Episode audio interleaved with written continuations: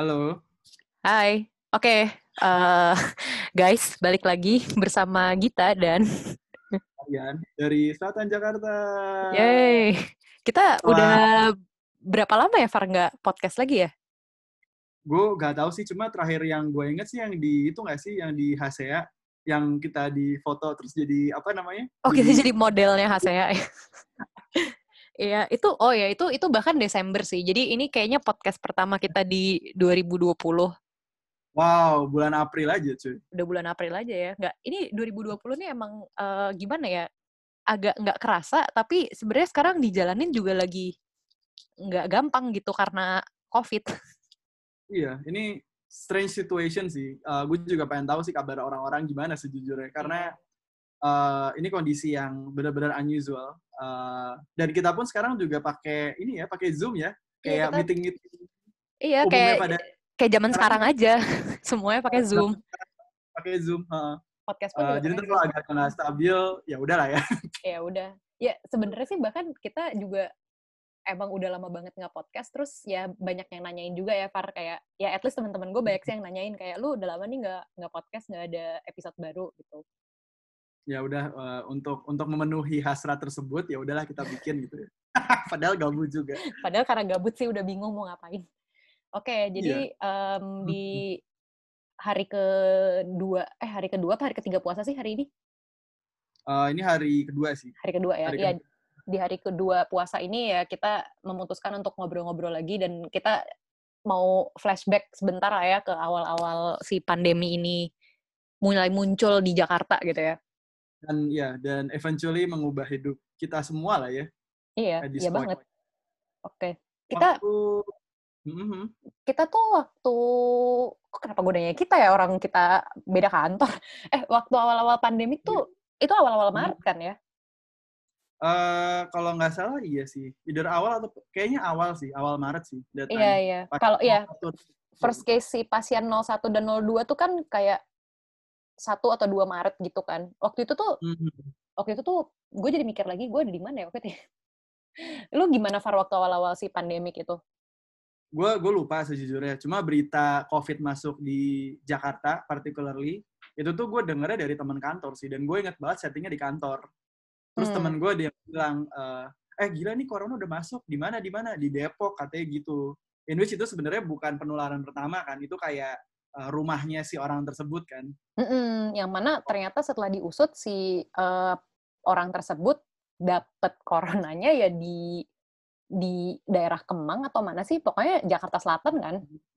Iya pokoknya daerah daerah selatan Jakarta Iya, iya.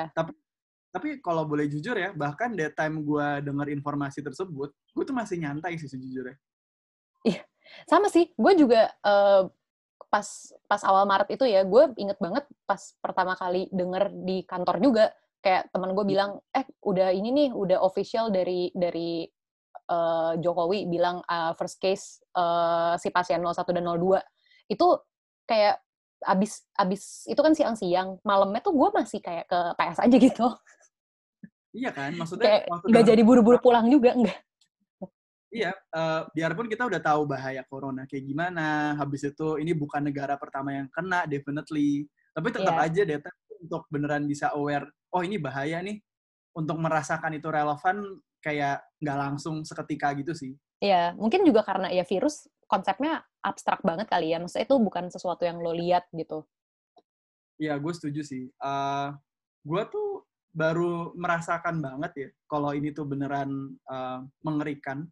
Itu tuh gue ingat banget eh, saat kita udah mulai dihimbau untuk eh, work from home. Hmm, itu sekitar Eh, minggu kedua Maret nggak sih? Uh, pokoknya seminggu setelah uh, pasien 01 diumumkan itu gua mungkin dan kayaknya termasuk kantor yang awal-awal di work from home kan sih kayaknya. Hmm, hmm, hmm, hmm. Iya sih, kayaknya kayak kayak Eh, kayak kantor lu dari sebelum orang-orang pada WFA lu udah, udah WFA duluan ya. Lumayan, uh, ya pokoknya gua waktu itu di minggu kedua tersebut masuk cuma Senin sampai Rabu masuk kantor uh, fisik masuknya. Mm-mm. Habis itu Kamis Jumat udah work from home that time. Hmm, Tapi oke. waktu itu juga emang pengumumannya adalah Kamis Jumat itu doang. Oh, karena mau ada disinfektan dan lain-lain ya? Benar, lebih ke lebih ke karena itu sih, bukan karena takut virus menyebar atau apa, lebih karena mau ada disinfektan. Hmm, oke. Nah, terus yang uh, mulai baru berasa bisa bikin parnonya adalah, oke, ini sorry gue gak akan menyebut nama, tapi gue akan cerita sedikit kejadian.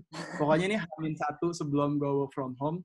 Ya biasalah anak-anak ini kan work from home, tapi mikirnya kayak, oh work from home selalu lah bisa bangun siang. Akhirnya malam-malam itu kita uh, nongkrong lah uh, hmm. sama teman-teman di Black Tavern di daerah Senayan situ. Masih keriaan nah, ya sebelum masih dibuka lah tempat-tempat tersebut. Mm -hmm. Ya gue tahu ini nggak ideal ya. Gue jujur ini pengakuan dosa lah atau apa pun itu pokoknya ini nggak ideal banget. Jadi datang malam-malam kita ke sana nongkrong, nggak ada physical distance, social distance, even terminologi itu masih belum familiar di kita semua daytime. Mm-hmm. Terus uh, salah satu dari teman kita tuh ada yang pass out. Oke. Okay. di malam Jadi, itu gitu ya, bener-bener pass out. Malam pass out. Okay. Habis itu uh, yang lebih mengerikan lagi adalah dia muntah darah. Oke. Okay. Dan daytime gue dan teman-teman gue kayak masih abu-abu kan ini corona gejalanya apa aja ya men gue tahu ada coronavirus tapi even kita apa? waktu itu masih belum benar-benar fully aware uh, gejala corona kayak apa ya iya gue gue terus terang waktu itu bisa ditanya corona tuh kayak gimana sih gue tahu coronavirus tapi gejalanya apa ya gue harus browsing dulu even setelah hmm. browsing mungkin juga nggak ada muntah darah tapi namanya virus baru kan ya, ya udah, bisa aja itu, lu nomor satu langsung kayak hah corona bukan corona bukan Iya, semua orang langsung mikirnya gitu. Itu nggak cuma satu gua dan teman-teman okay. gua doang, kayak satu bar juga mikirnya langsung, anjir kenapa nih orang? Itu gitu. berarti kayak literally satu bar kayak pada panik gitu, Far, waktu itu? Panik sih, cuma uh, ya kita belum sampai tahap yang kayak menjauhkan diri dari si mas tersebut. Kalau misalnya waktu itu physical distancing udah heboh, gua rasa orang gak ada yang berani deket-deket sih. Iya sih. Iya bisa aja, bahkan kayak dibiarkan terkapar gitu kali. Iya, terus langsung panggil ambulan mungkin. Data, yeah, ya, yeah. Pokoknya itu itu salah satu cerita deh di awal-awal uh, si pandemi ini ya. Hmm. Uh -huh. Lu okay. sendiri gue nggak tahu cerita spesifik nggak? Gue uh, gue pokoknya uh, sebenarnya mirip-mirip sama lo sih di minggu di akhir minggu kedua Maret itu gue juga udah mulai WFH. Tapi emang di di awal minggu kedua tuh gue masih field work ke Jogja, Far, dua hari gitu. Dan hey, di di yeah. situ tuh dan dan gue kan bukan ke kota Jogjanya kan gue ke Gunung Kidul waktu itu. Terus di Gunung Kidul hmm. juga ketemu ya ketemu orang-orang di sana juga kayak masih ngomongin iya corona ya corona. Maksudnya mereka juga udah mulai kayak ngomongin corona tapi masih yang kayak ah di sini aman gak ada corona gitu. Dan gue juga kayak ya iya iya nggak ada corona. Tapi kayak gimana ya di dalam kepala gue tuh kayak ya emang nggak kelihatan gitu loh. Jadi kayak iya iya nggak ada apa-apa. Soalnya ya udah semuanya masih biasa-biasa aja pohon masih tumbuh air masih mengalir dan kayak gitu-gitu kayak Ih, kayak abstrak oh. banget, bukan kayak kalau di cerita Alkitab orang kena kusta kan kelihatan gitu ya fisik secara iya, fisik. Iya, iya, iya. gitu kan. Iya, tapi kayak corona kan ya udah virus gitu yang kayak nggak nggak kelihatan nggak kelihatan juga gitu. Terus uh, waktu di minggu kedua akhir uh, gue juga udah mulai disarankan buat WFH nih dari dari atasan gue itu pun gue WFH tapi ya ini pengakuan dosa juga sih malamnya gue masih nongkrong di bar sama teman-teman gue gimana ya, sih gimana? tapi tapi ya. emang emang pas pas itu maksudnya bar nggak serame biasanya obviously tetap ada penurunan tapi masih orang-orang tuh masih pada kebar gitu masih masih ya masih me meja ya masih rame aja gitu meskipun nggak se nggak sepenuh Iya itu minggu kedua minggu bener-bener kayak last week uh, sebelum akhirnya orang-orang pada WFH di 16 Maret itu. Oke. Okay. Tapi itu emang masih rame sih the time. Masih rame sih, masih rame sih. Gue gue waktu itu inget banget nongkrongnya tuh di PS dan ya hmm. meskipun meskipun kalau dibandingin sama minggu-minggu sebelumnya itu jelas jauh lebih sepi, tapi bukannya yang kayak nggak ada orang juga gitu. Masih ya masih bisa dibilang rame. Ya ya ya. Ya, hmm. mungkin gue juga mau menyoroti fenomena di mana nggak tahu ya namanya informasi kan selalu ada orang yang lebih aware duluan dan ada orang yang aware belakangan. Mm-hmm. Jadi itu menurut gue ada ada semacam fenomena apa holier than thou gimana sih spellingnya? Mm. Eh pronunciationnya? Ah, apaan tuh? Holier than thou. Oh, oh ya. Mesti minta Mbak Mbak buat ini ya, Mbak Google buat Mbak Google. Uh, menjelaskan yeah. pronunciationnya ya. Holier than thou. Oke, okay. itu holier than thou itu apa tuh, Far? Jadi intinya kayak uh, uh, kondisi di mana, coba nih gue baca explanation-nya. Uh, jadi lu merasa moral morally superior daripada yang lain karena lu merasa lu lebih aware duluan. Oh, Itu gue wow. merasa ada fenomena semacam itu sih. Maksudnya misalnya let's say gue waktu itu belum aware, abis itu ada orang yang lebih aware, abis itu kayak gue dipandang rendah. Dan ternyata orang yang yang yang let's say taunya juga uh, di waktu yang sama-sama gue nih, kan Mm-mm. sekarang juga masih banyak orang yang aware tuh bisa dibilang lebih telat lah, karena mungkin dia tidak punya privilege untuk dapat informasi. Mm, Habis itu somehow kayak dipandang lebih rendah juga. Dan Hmm. menurut gue kadang-kadang jadi kalau udah komen-komenan di sosial media, di Twitter terutama kali ya, Oh iya, itu jadi yang netizennya agak galak ya. uh, di Instagram juga sih sebenarnya sama aja. Uh, kadang-kadang jadi out of context sih. Jadi kayak ini niatin niatan lu adalah mengingatkan orang supaya aware COVID atau lu lebih marah karena lu merasa lebih superior aja daripada orang yang tahu belakangan. Hmm. Kadang-kadang beberapa komennya menurut gua unnecessary aja sih. Hmm, memang selalu ya Tapi- fenomena apa pun termasuk pandemik COVID kayak gini tetap aja ya ada Earlier Uh, than the ya holier dan down tinggi lah ya selalu terjadi.